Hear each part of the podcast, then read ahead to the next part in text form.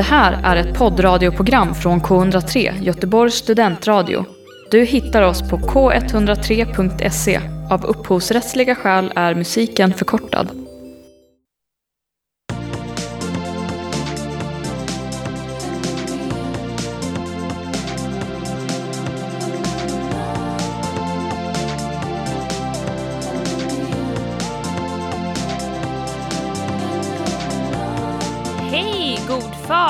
Förmiddag! Välkommen till K103 Göteborgs studentradio och Fenomenal! Jag hoppas att du som lyssnar mår bra och kanske att solen skiner där du är. Och eh, oavsett om solen skiner eller regnet faller så tror jag att du kommer känna dig väldigt hemma i dagens program där vi ska prata om väderfenomen. Men först, vilka är vi som är i studion? Ni, den som ni hör nu är jag, Josefin, och eh, sen har vi mig, Hanna? Och sen har vi mig, Kajsa. Yes, och hur är det med er? Kajsa, vi börjar med dig. Hur mår du? Jag mår bra. Jag tycker det har varit en bra start på morgonen. Jag kom upp, jag var inte dödstrött. Eh, vilket var skönt. Det är alltid en vinst. Det är alltid en vinst. Kanske i vädret, jag vet inte. Någonting. Kanske. Ja. Ja. Hur är det med dig då, Hanna? Nej men det är bra också. Jag eh, fick en god natts sömn. Det var så här, jag behövde verkligen sova. Jag hade sovit lite dåligt nätterna innan här nu och jag fick verkligen sån, eh, ni vet, bebissömn. Bara, mm, väldigt gött. Härligt. Ja men jag mår också bra. Jag är fortfarande på så här en high typ efter Eurovision. Jag mådde så himla bra över den kvällen och det bara håller i sig. Det är så härligt. Vad skönt. Men eh, vi har ju redan nosat lite på det. Eh, har ni några favoritväder eller? Vad, vad är liksom, när mår ni som allra bäst i vädret? Mm. Jag kan börja med att säga att eh, när det är sol tycker jag att det är skönt. Eh, jag har väldigt svårt för när det är liksom högt tryck. Alltså så här, så. Så att mitt favoritväder är nog att det är varmt men det är ändå svalt. Det är inte den här liksom tunga hettan. Så ja, favoriten är kanske liksom kring 20 grader. Riktigt svensk sommar. Det tror jag ändå är, det är då jag fungerar som bäst. Tror jag. Mm. Jag gillar ju också verkligen sol. Men om jag ska liksom gå ifrån det här eh, klassiska svaret sol så gillar jag också väldigt, väldigt mycket de här lite oväntade varma regnen. Alltså ett vårregn eller ett sommarregn ni vet när man bara Alltid bara så här, ah, himlen bara öppnas. Det, det kan jag uppskatta väldigt mycket, att det luktar så gott också. Ja den doften är ju svårslagen. Ja, verkligen. Alltså det är väl inte ett väder i sig men jag älskar när det är regnbåge. Alltså jag är så här, jag blir som ett litet barn på julafton när jag ser en regnbåge. Typ jag bara my god det är en regnbåge! Man blir lika förvånad varje gång bara hur fasen går det där till? Ja, Ja, det är fast- mäktigt. Ja, det är nog det. Det är liksom över, övermäktigt nästan. mm. Och regnbågar och mycket mer kommer det ju bli i dagens program. Vi ska börja här efter första låten med att prata lite om hur humöret påverkas av vädret. Och sen kommer vi gå igenom många olika typer av väderfenomen och eh, lite också det här som jag ser mycket fram emot att vi ska prata om. Vad är grejen med att vi alltid ska prata om vädret? Mm. Vad är det för fenomen egentligen?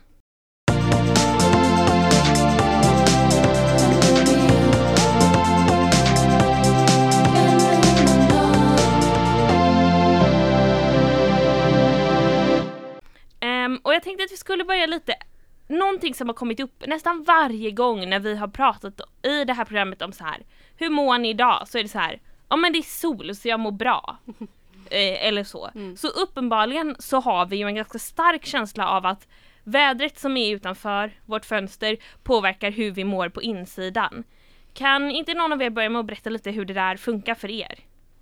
Jo, för mig så är det då väldigt mycket så att jag eh, får en eh, tydlig känsla direkt på morgonen när jag läser av vad det är för väder. Också att jag ofta kollar vädret dagen innan så att man liksom har lite koll. Och eh, ja, det, det speglar väldigt mycket hur jag känner samtidigt som det absolut, det, det avgör ju liksom inte, tycker jag inte, utan att det påverkar lite men det avgör inte. Men jag gillar ju, alltså jag trivs ju bäst när jag kan gå med vädret. Alltså antingen om det typ är regnigt och att det då är liksom, ja men det, är- det är filmkväll. Då känns det toppen för mig. Eller när det är soligt och jag får typ gå ut och eh, träffa vänner och sitta i en park. Det känns liksom väldigt, då får jag inre frid när jag får gå med vädret och slipper Mm. gå emot det. För ofta får man ju gå emot det ändå för att man kan inte styra över vädret om man har planer liksom. Men det, då, är, då mår jag väldigt bra. Mm. Mm. Ja men jag känner igen mig verkligen. Mm. Ja men samma här också att eh, Um, det finns en, alltså, en slags acceptans tycker jag med att följa vädret. Att så här, ja ja, men jag kan inte göra så mycket åt det så då får jag väl anpassa mig efter det en sån här dag. Lite så. Men ibland kan jag också känna att det är lite frustrerande. Jag vet inte hur jag, jag tror också jag är ganska påverkad av vädret och ibland så kan jag bli irriterad på mig själv för att jag bryr mig så mycket. typ just det här och att man kollar upp vädret och analyserar det. Um, och det är bra att göra det, att ta in det till ens mående och att det blir en del av så här, okej jag förstår varför det är som det är. Men ibland kan jag också bara så här, gud vad jag bryr mig så himla mycket av vad det är för väder. Speciellt om man ska göra någonting, att jag kollar upp så här, ah, vad är det för väder på torsdag när vi ska göra den här grejen? Ah fan det är inte så jättebra väder. Uh, alltså att jag redan då har jag också satt en liten, har jag redan bestämt att så här, det här kommer att bli lite jobbigt. Ja det där, Alltså där. är ju jag verkligen, försöker jag ju gå emot. Jag är väldigt mycket sån, det finns inget dåligt väder, det finns bara dåliga kläder liksom. Jag tycker absolut att man kan ha grillfest även om det spöregnar liksom. Ja, det är ju underbart att, ha, att göra det. Eller så, att, att tänka så. Eh, och då är det också en acceptans. Eh, men det är just det här att, att vi, det känns lite som att man vill nästan kontrollera eller så att man vill ha kontroll så mycket på ens liv generellt och då blir vädret en sån del, bara, men gud det går ju inte.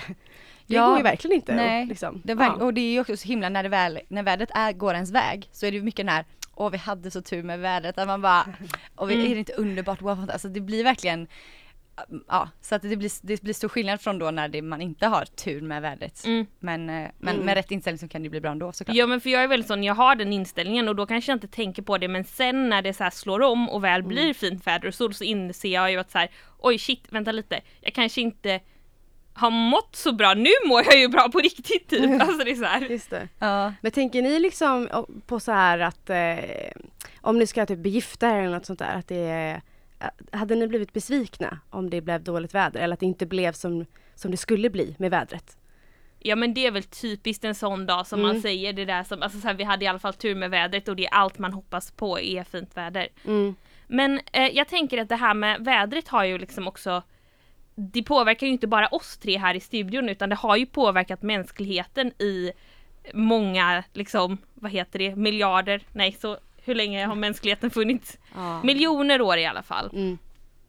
Och eh, en av de sakerna man kan se det på är ju att det finns till exempel väldigt många vädergudar som, där man kanske just har försökt, som du var inne på, att vädret är något man inte vill, kan kontrollera och så vill man göra det. Och då hittar man eh, sätt att försöka förklara och sådär. Och du har ju kollat upp lite Kajsa, kan inte du Ja.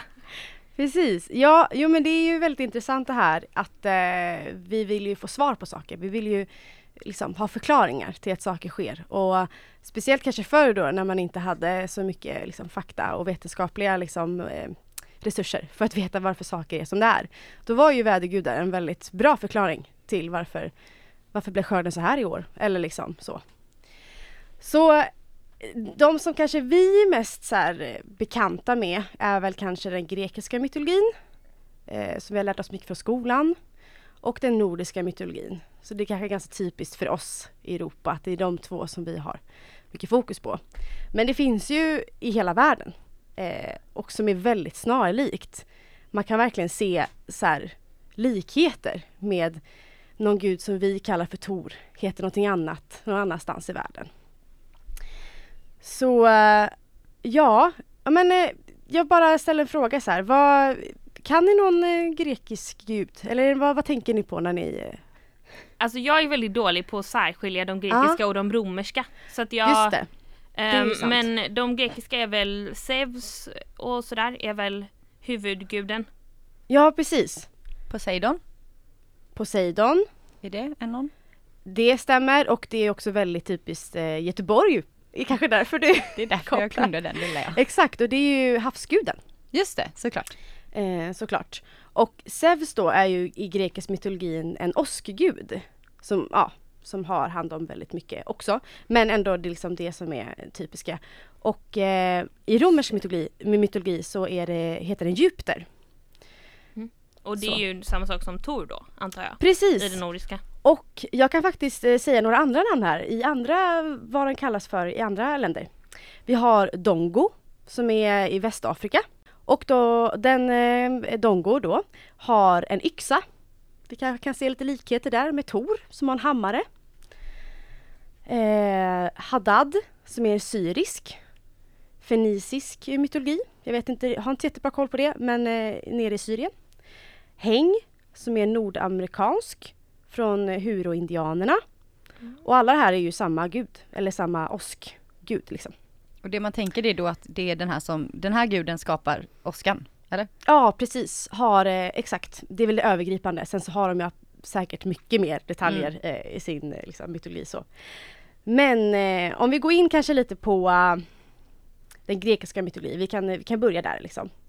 Så uh, Zeus då kallades för moln, molnskrockaren och blixtslungaren. Uff. Och det är därför också han framställs ofta som en blixt. Ni kanske Mm. har sett eh, Herkules? Mm. Och han styrde även över luften och stjärnorna. Så det var en ganska stor del Just som eh, Mm. man kunde förklara att ah, men det är ju Zeus som har hand om de här grejerna. Men jag vet att ett annat vanligt eh, fenomen är väl att ha solgudar. Till Ja, exempel. Ra i kanske egyptisk mytologi. Exakt. Mm. Precis. Finns det några andra sådana exempel? Just eh, solgud har jag inte hittat så jättemycket. Det, jag hamnade lite här vid åska och liksom hittade lite mer eh, Alltså just att det fanns flera För jag visste inte att det fanns liksom exakt samma som kallades alltså det, Jo, såklart att man vet att det finns eh, typ samma i hela världen men att det var så snarlikt just så här åskgud finns i de här typen av historierna och så. Nej det är ju Ehm, intressant att det är ja. det som man har känt har varit så. Men det är väl just, eller jag kan liksom föreställa mig att det är just det här att de att det uppträder på himlen. Mm. Eh, åskan eller blixtarna då, att man ser dem så tydligt från himlen och många Alltså många mytologier kopplar väl ändå att gudar finns i himlen. Så då är det väl liksom den connectionen tänker jag att det är ganska naturligt att man föreställer sig att det är en gud som är där uppe och kontrollerar det. Mm. Ja, men jag tänker också typ så här, alltså just ja, men blixtar och bara muller, alltså det är ju jäkla övermäktigt. Man, man känner sig ju otroligt liten när sånt händer, tycker jag i alla fall. Jag har Mm. väldigt respekt för just åska och just för att det är så otroligt vibrerande in i själen på något sätt. Och eh, liksom att man inte ska, man kan inte vara ute på havet, alltså det är väldigt så här, det, det är livsfarligt. Ehm, ja, Ja så verkligen. det, ja.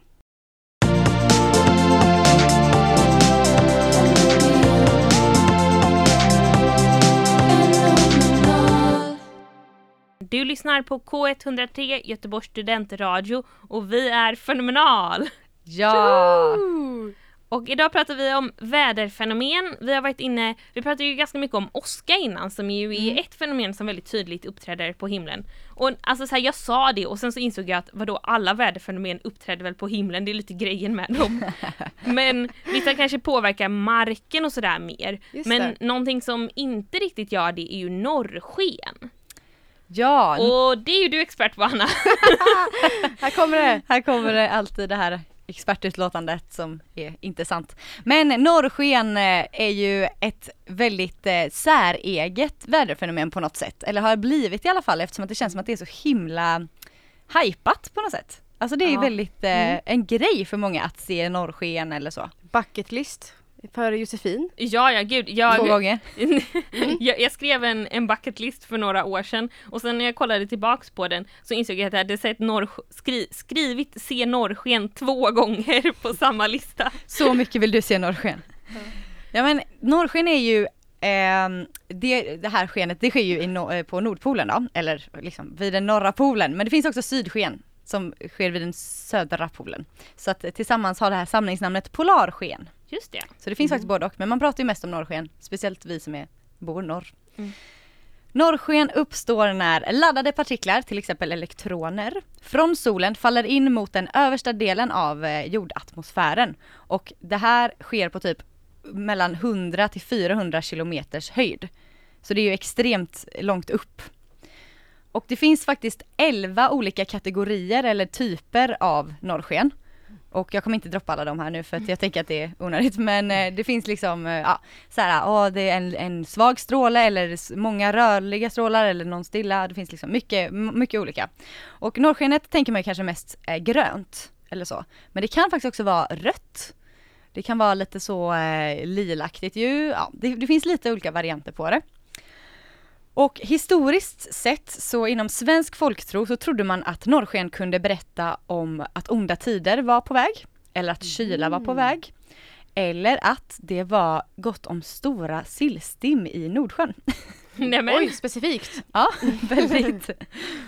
Eh, och sen så finns det ju, det finns ju liksom mycket norrskensturism. Eller det är ju en grej tänker jag. Mm. Ja, verkligen. Ja, och då är ju Abisko högt upp i Sverige en, en av världens bästa platser för att se norrsken. Så det är många som åker dit från hela världen för att eh, ja, få, få så stor chans som möjligt att få uppleva norrsken. Tänk vilken otur om man åker dit och så är det bara dåligt väder. Alltså så här, du har åkt det. från typ Japan Ja, ehm, och så här, det är trip of a lifetime och nu ska du äntligen se norrsken och så bara, nej tyvärr. Så är det molnigt liksom konstant. Ja, så ingenting. hemskt faktiskt. Det känns som det är det som är så risky med att göra sån väderturism. Ja, ja men verkligen. Och det är ju än en gång blir man ju påmind då om att vädret, att vi verkligen inte kan kontrollera vädret. Det är mycket vi kan kontrollera i dagens samhälle på något sätt, men eh, inte vädret. Nej. Och vad behöver man då tänka på om man vill eh, se, vill ha goda chanser att se norrsken? Såklart då att vara eh, långt norrut och eh, på vinterhalvåret är det störst chans. Det ska vara kväll, det ska vara mörkt. Det ska vara en högt belägen plats och då det ska vara molnfritt. Mm. Men man kan, visst är det så att man kan ju se norrsken även här? Alltså det finns ju folk som har sett det typ i Skåne och sådär också. Mm.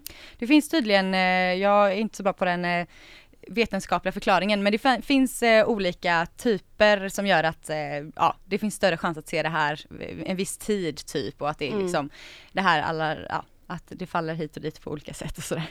Mm. Jag har också läst att det är, li- är ju lite kopplat till klimatförändringar också. Att det Aha. blir mer och mer för att partiklar, det visar liksom att det finns mer skadliga partiklar också. För att det, det är lite de partiklarna som kan reflekteras. Mhm. Kanske vissa typer av norrsken då, som visas mer.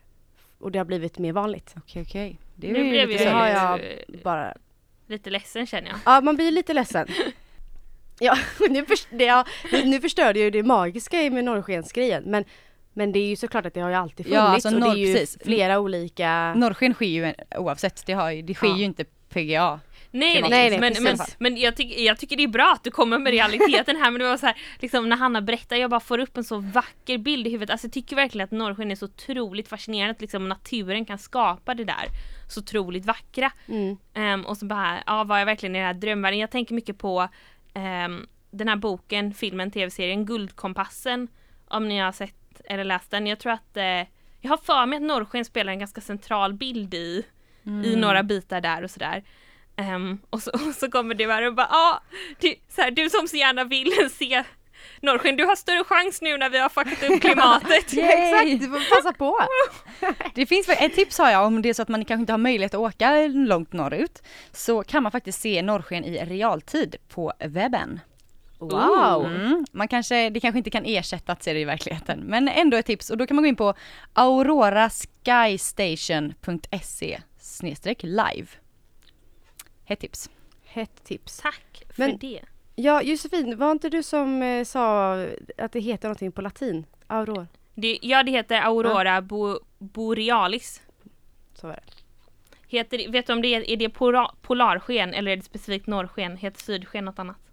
Jag minns faktiskt inte, men det jag minns var att det var någonting som var lite missvisande i namnet. Att det typ betydde någonting och så hängde det egentligen inte riktigt ihop med den vetenskapliga förklaringen av vad norrsken var. Ah, ja, men det är väl ja. Linné antagligen. Han hittade på något så han tyckte att det passade. Vem sa du? Linné. Ja, Linné ja. Carl von von Ja, Linné. han, ja. Ah. Okej. Var det han som bestämde?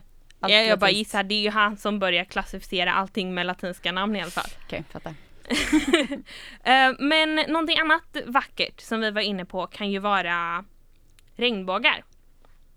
Ehm, och där lämnar jag över bollen till dig igen Hanna, för du har ju upplevt ett väldigt, en väldigt unik regnbåge och har ju lite av en upplevelse med det dessutom. Nu Stämmer. håller du upp någonting här. Jag håller upp en tidningsartikel som min mormor har klippt ut till mig. och den är från GP och det var när jag då hade sett ett visst väderfenomen och hamnade i GP. med det här. Jag kan läsa eh, ingressen här. Gör det. Göteborgaren Hanna Henkelman och många med henne bevittnade på söndags eftermiddagen en sällsynt vacker syn. När hon tittade upp mot himlen såg hon något som såg ut som en regnbåge som stack ut från en annan regnbåge. Det här tycker jag i och för sig inte riktigt stämmer med vad jag såg, men det var väl det, som jag sa kanske. Fenomenet kallas för halo, berättar Max Lindberg Stoltz, meteorolog på SMHI. Så det var alltså en halo jag bevittnade. Och eh, det var bara att jag gick eh, på stan och så råkade slänga ett litet öga upp på himlen och så såg jag, vänta det är en regnbåge och så bara, fast va? Det där är ingen regnbåge. Det såg inte ut som en regnbåge. Det såg liksom ut som en halv, eh, som en, nästan som en månskära fast ganska mycket större. Eh, Som en halv, alltså det var ju som en regnbåge för den var halv men den var liksom mitt uppe på himlen, typ som en cirkel uppe på himlen fast den var halv. Shit vad coolt. Ja, väldigt coolt och eh, då blev jag så här, wow, vad är det där? Och så ringde du GP då? Ja, Bara, kom hit, kom hit! jag bara hallå, ni missade det stora fenomenet. Ja men hur, hur kom det sig att det liksom, det här tajmade med att GP? Nej men det var, alltså man kan ju tipsa GP Mm. och eh, jag tänkte att man kanske Mm. kunde fått lite pengar. Eh, jag misstänker att du inte fick Nej det. jag fick inga. Nej, du bara gav jag dem tror att du har content. missat lite. Men det stod det, det stod det, de bara allt som leder till publicering eh, belönas. Jag bara ja. Men det är väl lite mer så här kanske typ eh, oj om någon är skjuten kanske eller så. Mm. Men eh, ja, Ja, ja men du fick i alla fall lite promotion för dig själv. publicering. Publicering, Woo! det är alltid bra. Publicitet tror jag. Publicitet. Aha, ja. Publicering. Kon. Du Publicering blev hände. publicerad också. Publicering Men... hände. jag fick publicitet. Ja. Så det var ju lite coolt tyckte jag, just bara för att det var ett vändfenomen som jag inte visste om att det fanns innan jag såg det. Nej, nej jag kände inte heller till det och hade inte upptäckt det men så läste jag ju att du var där så wow. Läste i tidningen. Woo! Ja.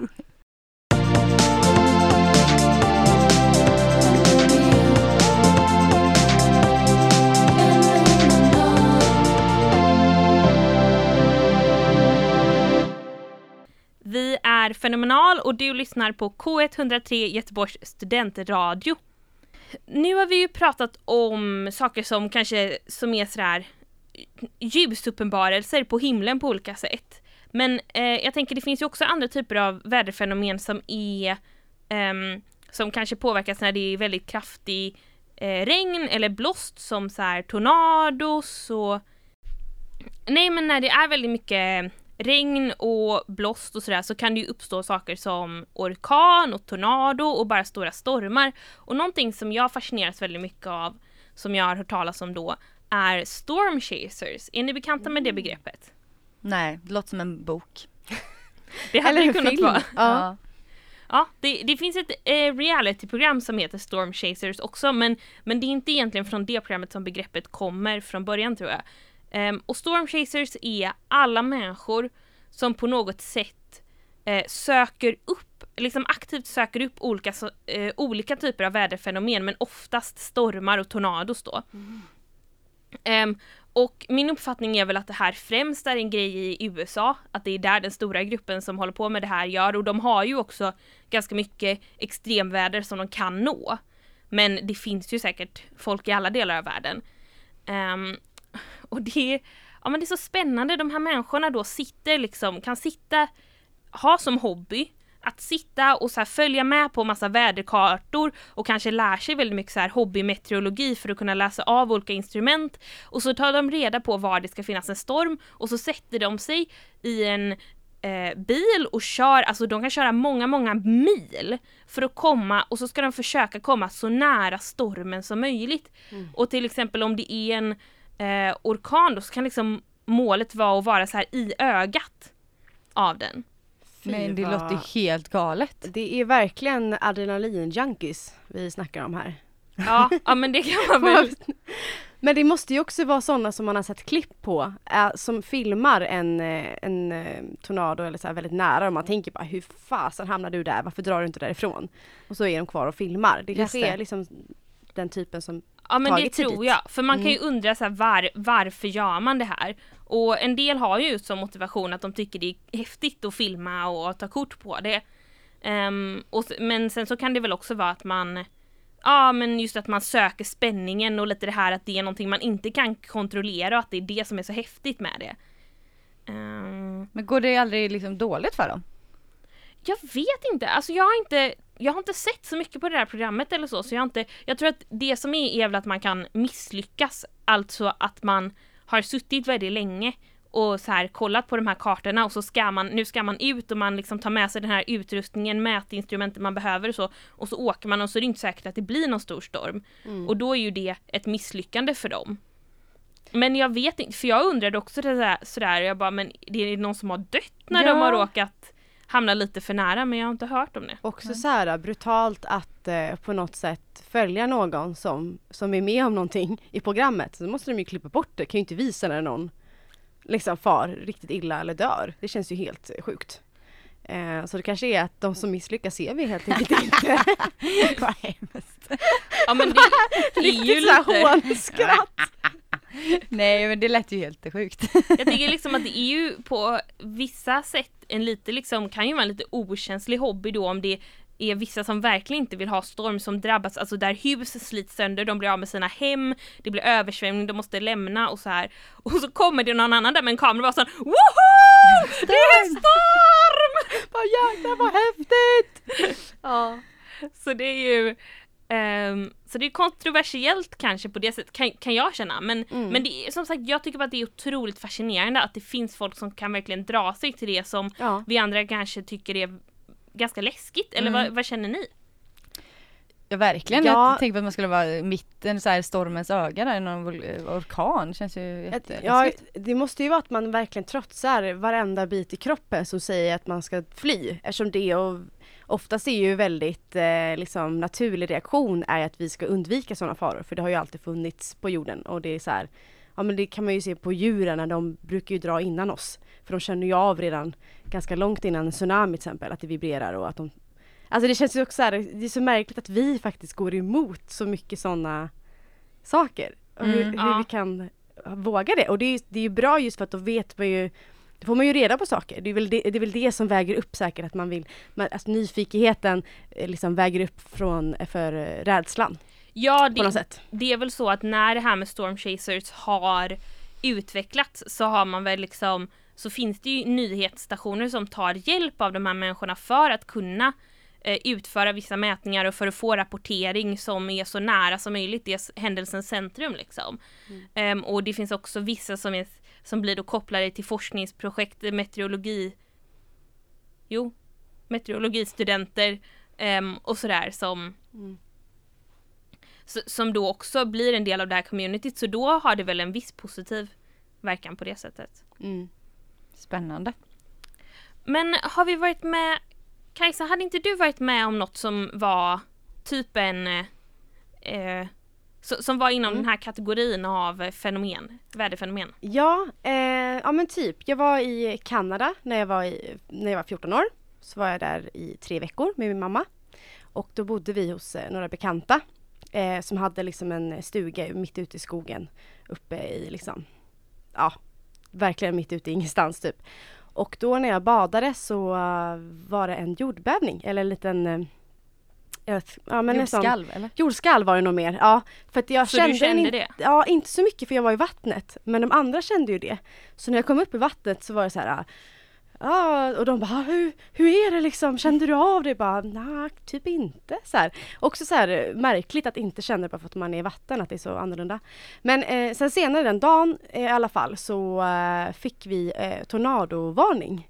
Så då fick vi eh, ta oss till eh, en källare för de har ju också väldigt, de är så vana vid det för det hade varit, de hade visat också under dagen, samma dag var det här liksom, visat hur en tornado hade åkt i skogen. Så vi såg ju liksom hur den hade rört sig och det var ju som en väg. Och Oj. det såg jättehäftigt men också jätteläskigt ut.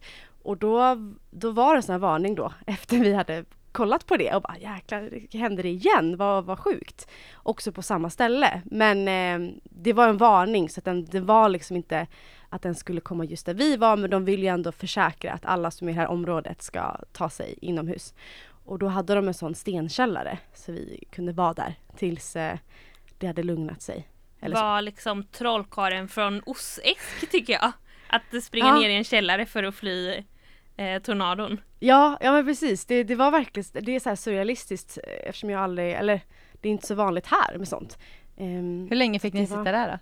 jag kommer verkligen inte ihåg, alltså det kan vara allt från 10 minuter till eh, två timmar kanske. Alltså så här, Ja. så att vi fick ganska snabbt tror jag ändå veta att så här, ja, men den är inte där ni är. Eh, så. Men det var verkligen hela den dagen var ju, var ju verkligen så eh, den, den grejen. Det var, kretsar ju mycket kring just vädret och fenomen och med jordbävningar för att det var det vi hade pratat om hela dagen. Så det var så. Wow, Verkligen. vilken Mm. upplevelse. och du kände ingen dragning då att, eh, att sticka ut och jaga den Nej. istället? Nej gud jag ville krypa i, in i grottor alltså det var liksom Det kändes så, eh, ja jätteläskigt tycker jag. Men hängde det ihop med jordskalvet och tornadon? Jag vet inte, kanske att det var liksom lite sådana Ja.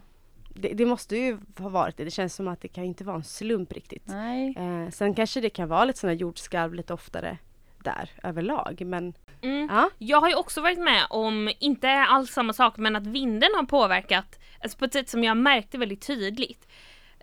Och jag, för jag tror att de flesta kommer ihåg sommaren 2018 och eh, det var en jättevarm sommar och det brann väldigt mycket på många ställen.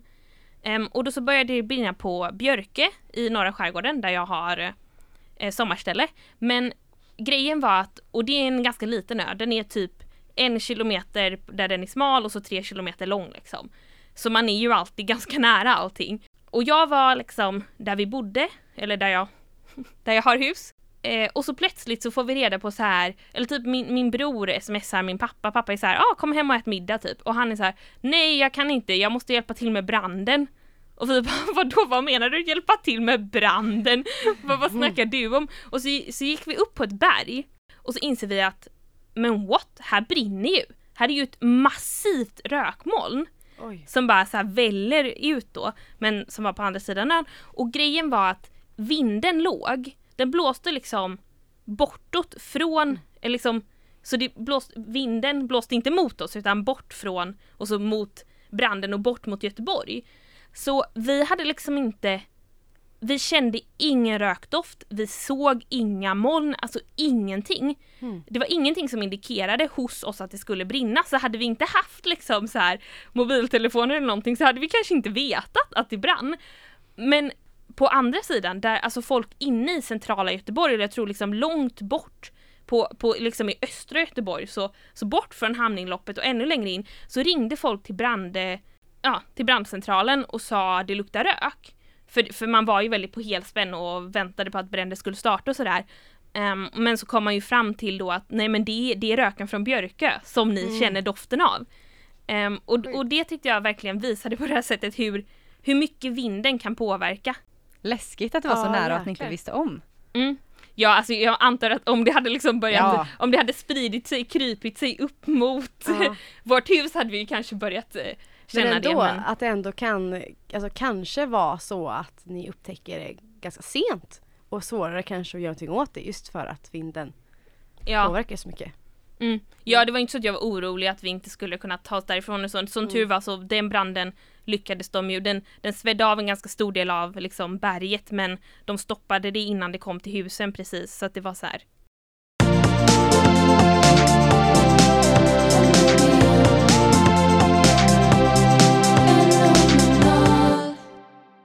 Du lyssnar på K103 Göteborgs studentradio och vi är Fenomenal som idag pratar om väderfenomen. Och väderfenomen syftar ju vanligtvis på just det här fenomen som händer i naturen.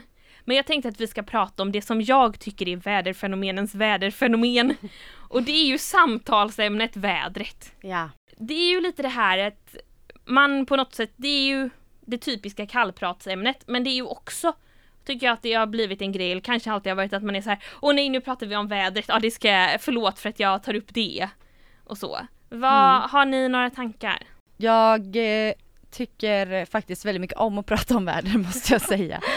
För så som vi pratat om innan här, det påverkar oss så himla mycket och det jag gillar med väderprat är att det är så allmän eh, mänskligt eller alltså lokalt i alla fall. Att befinner man sig på samma plats så finns, kan ju alla relatera till vädret. Mm. Det är ju liksom något som man kan prata med om med, exakt alla och det Ja. tycker jag faktiskt är väldigt härligt och jag tycker att det får lite för mycket skit.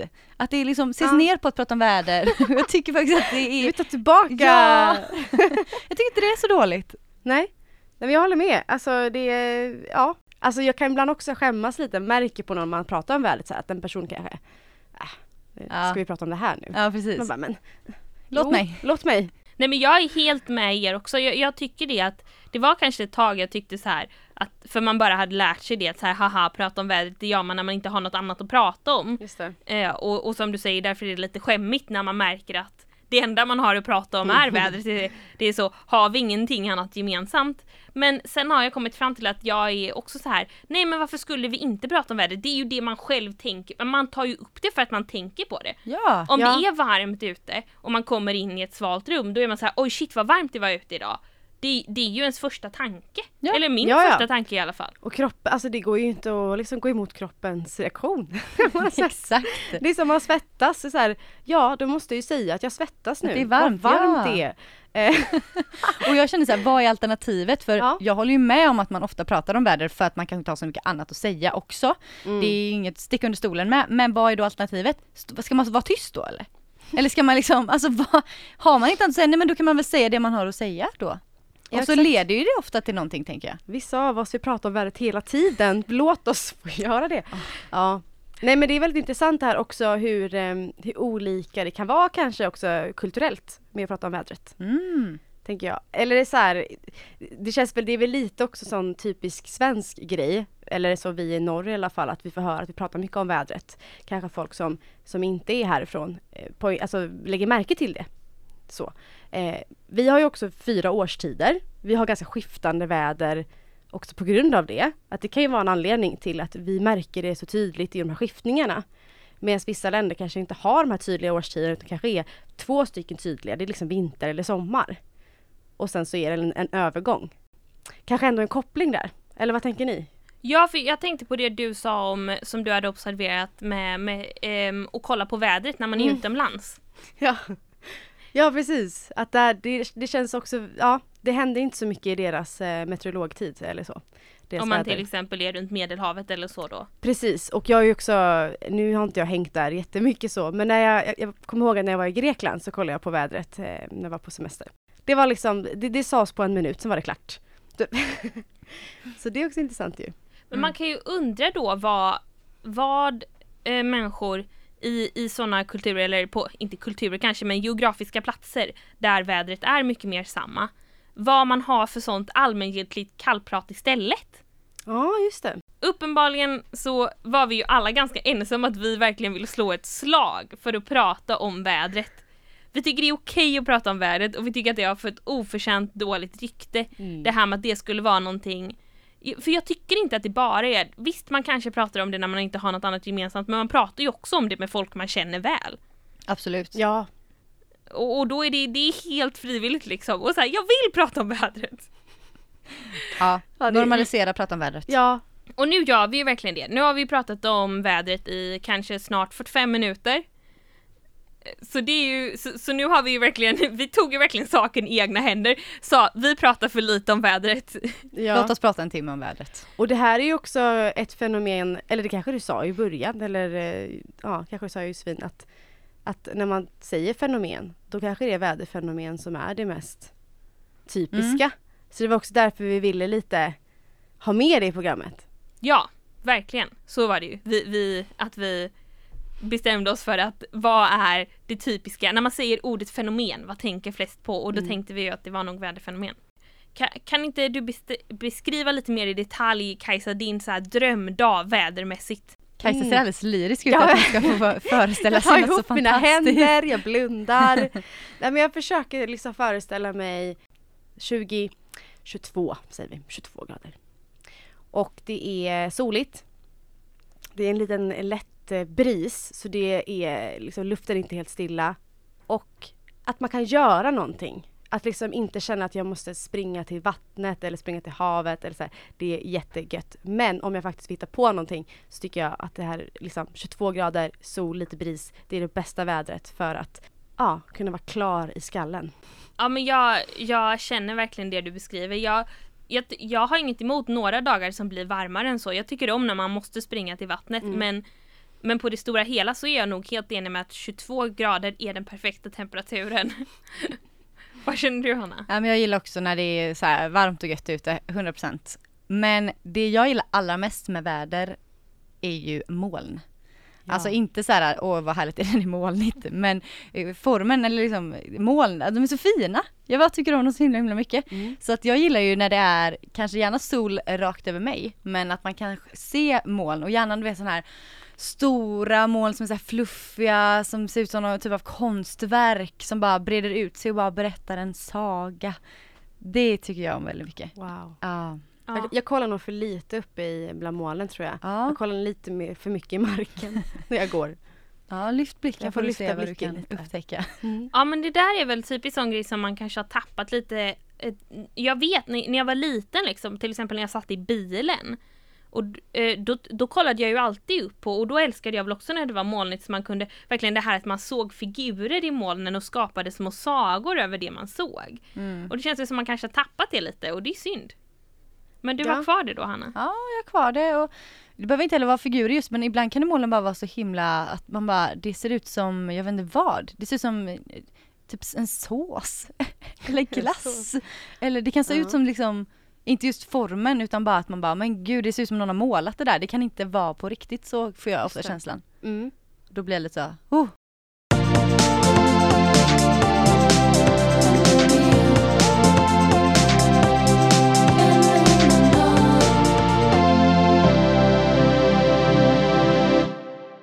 Mm. Vill vi göra en, liksom, en liten snabb tillbakablick eh, under året som har gått, eller våren som har gått kanske? Hur, hur känns det? Mm.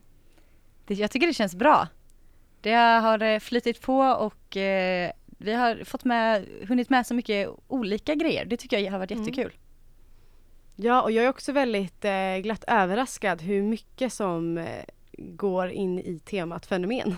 Eller så här, det har varit så himla många ämnen som bara just det, det här är ju ett fenomen. Alltså det är liksom så här, det känns som att det finns en oändlig liksom bank av fenomen som vi kan snacka om. Det är Ja, häftigt. Mm. något, ett tag kändes det kanske som att så här, nu får vi snart slut på Mm. idéer men vi har ju många teman kvar som vi kanske vill fortsätta prata om nästa termin. Och jag tycker att det känns så roligt att vi den här sista gången fick stå i studion alla tre Ja. tillsammans igen för det har varit länge sedan. Ja, Ja, ja men jag håller med. det känns som Verkligen. ett väldigt bra avslut. Mm. Precis, det är som att cirkeln sluts. Så liksom om ni märker att det har varit lite mycket skratt och kanske lite lite seriositet i det här programmet så är det bara för att vi är så himla glada för att vara tillsammans. Så jag tänker att man ska tänka på det som något positivt. 100 procent. Ja, det tycker jag verkligen. Vi får tacka, tacka, tacka alla lyssnare, så tack till dig som lyssnar att du har lyssnat eh, på det här avsnittet och kanske också tidigare program. Verkligen. Men det säger vi hej då tycker jag. Ja, Det gör vi. ha en fin sommar. Om ni vill följa oss och ta red, hålla koll på när vi startar igen till hösten och sådär så går ni in på fenomenal.k103 på Instagram så finns vi där. Hej då!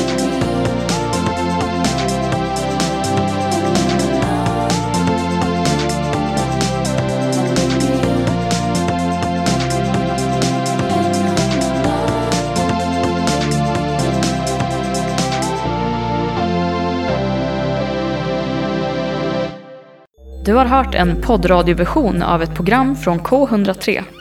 Alla våra program hittar du på k103.se.